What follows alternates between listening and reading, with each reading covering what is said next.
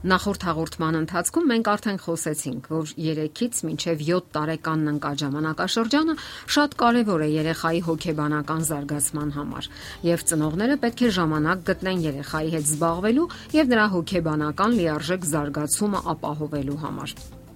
6 տարեկան երեխաների մոտ ձևավորվում է պատկերացումներով մտածողությունը Նա սովորում է խորհել ոչ միայն բառերով, արգելքներ կամ գովասանքներ արտահայտող։ Նրա մոտ միշտ առաջանում է ինչու բառը։ Այն առաջ է գալիս ցանկացած առիթով, եւ ծնողները հաճախ չեն կարողանում պատասխանել իրենց փոքրիկ փիլիսոփայի բոլոր հարցերին։ Հենց այդ ժամանակաշրջանում է, որ երեխային հուզում է նաեւ իր ցակման հարցը, որտեղից է առաջացել ինքը, եւ դա բնականon է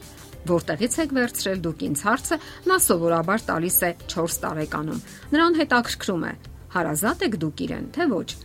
Անհրաժեշտ է պատասխանել փոքրիկի բոլոր հարցերին, միայն թե իր տարիքին համապատասխան իր տարիքի ընկալման մակարդակում։ Դուք կարող եք ասել, որ ինքը ձեր հարազատ երեխան է, որ դուք իրեն շատ եք սիրում եւ շատ եք սպասում իրեն։ Այս տարիքում են դրվում նաև տրամաբանորեն մտածելու հիմքերը։ Դա կախված է նրանից, թե ինչով է զբաղվում երեխան, ինչ է կարդում, ինչպես է պատասխանում իրեն տրված հարցերին։ Եվ պետք է ձգտեք պատասխանել նրա բոլոր հարցերին, նաև իր համար դժվար պահերին, տհաճ իրավիճակների հետ կապված։ Նա արագ է յուրացնում ձեր դասերը, թե ինչպես է կարդում վիճահարույց իրավիճակները, եւ այդ նույն ձևով ինքն է փորձում լուծել իր հիմնախնդիրները, երբ հայտնվում է ընկերների հետ բարդ իրավիճակում։ Նաեւ կարող եք հստակ ասել. այսպես չի կարելի, որովհետեւ կամ այսպես ճիշտ է, որովհետեւ Եվ երբ հետագայում նա ինքը ճիշտ հետևություններ անի կամ ճիշտ արարքներ գործի, գովաբանեք նրան Դրանից հետո նա ինքը կձգտի միշտ ճիշտ վարվել։ Այդպես դուք բացահայտում եք նրա դրական ներուժը եւ հնարավորությունները։ Երեխայի առաջին վեճերը սկսվում են 3 տարեկանին մոտ հասակում, երբ նա նկատում է, որ ինքն էլ ունի իր կարծիքը։ Դուք կարող եք օգնել նրան մտածելու տրամաբանորեն, նաև պատճառահետևանքային կապերը բացահայտելու միջոցով։ Եվ յուրաքանչյուր սահմանափակում կամ պատիժ խորացնում են այդ դասերը եւ մղում երեխային մտածել, համեմատել, հետեւություններ անել եւ ճիշտ որոշումներ ընդունել։ Ասենք նաև, որ փոքրիկ երեխաները եսասեր են լինում եւ անընդհատ ուշադրություն են պահանջում։ Եվ եթե ինչ որ բան իրենց սրտով չի լինում, նրանք լացում են ու ճճում։ Սակայն արդեն 4-ից 5 տարեկանին մոտ նրանք սկսում են հասկանալ, որ իրենց շրջապատում են մարդիկ, ովքեր նույնպես ունեն իրենց պահանջմունքներն ու ցանկությունները եւ որ իրենց ամեն ցանկություն չէ որ կարող է բավարարվել եւ սկսում են անցալել այն ճշմարտությունը, որ մյուս մարդկանց ցանկությունները կարող են հատվել իրենց մանկական անձնական ցանկություններին եւ որ իրենք պետք է զիջեն։ Երբեմն այս դասը շատ ծանր է տրվում նրանց, սակայն ծնողները այստեղ պետք է հանդես գան որպես խաղաղ, համառ եւ ըմբռնող ուսուցիչներ։ Թե ինչ է նշանակում փողզիչում, երեխան լիովին կարող է հասկանալ 4-ից 5 տարեկանում իսկ հիստերիան հանդիսանում է այն ցուցիչը, թե ինչքանով է նա հասկացել եւ ընդունել այլ մարդկանց կարիքները։ Անհրաժեշտ է երեխաներին բացատրել ու հասկացնել, թե ինչպես վերահսկեն իրենց եւ ինչպես կազմակերպված լինեն։ Հարկավոր է նրանց տալ կարևոր եւ պատասխանատու իրենց տարիքին համապատասխան առաջադրանքներ եւ որ կարևորն է հասցնել այդ գործը ավարտին։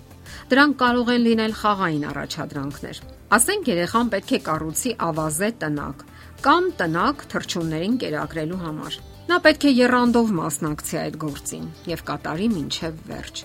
Երեխան կարող է բողոքել, դժգոհել դժվարություններից, սակայն ծնողը պետք է հմտություն մշակի երեխայի մեջ, չվախենալու դժվարություններից եւ ձգտելու հաղթահարել դրանք։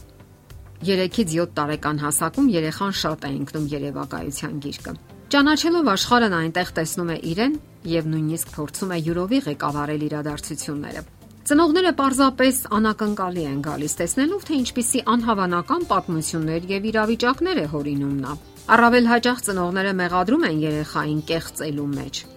Հարկավոր է նաև հիշել, որ երեխաները դասերակվում են եւ մտածում այն արժեքներով, որոնք տեսնում են։ Նրանք ապրում են իրենց տեսած պատմություններով, հեքիաթներով, ֆիլմերով Գյուրովի մեկնաբանելով եւ ընկալելով այդ հորինովի պատմությունները, նա իր երազանքների միջով է անցկасնում դրանք գունազարդում, նաեւ ավելացնում։ Հարկավոր է հիշել նաև, որ երեխաները այդ ժամանակաշրջանում սկսում են ստել։ Եվ ինչքան էլ զարմանալի թվա, դա կապված է տրամաբանորեն մտածելու դասերի հետ ծնողների վարքագծի հետ։ Եթե երեխան ճիշտ է ասում, սակայն նրան պատժում են, ապա նա հիանալի հիշում է այդ դասը։ Հաջորդ անգամ նա փորձում է խაფել ծնողներին, եւ նրանք հավատում են երեխային եւ չեն պատժում։ Եթե ստախոսությունը, այսպես ասած, անցնում է, ապա այդ դասը յուրացվում է։ Այն է ավելի լավ է ստել, քան ասել ճշմարտությունը։ Ահա թե ինչու շատ կարևոր է լսել երեխաներին եւ հստակ հասկանալ, թե ինչ է տեղի ունեցել։ Հարկավոր է ցանկություն առաջացնել երեխաների մեջ, որpիսի նրանք միշտ ասեն ճշմարտությունը, գործեն արդար ու ազնիվ։ Դե ի՞նչ, ժամանակ հատկացրեք երեխաներին, զարգացրեք նրանց հոգեբանությունը եւ նրանք միայն շնորհակալ կլինեն դրա համար։ Եթերում ընտանիք հաղորդաշարներ։ Ձեզ հետ է Գեղեցիկ Մարտիրոսյանը։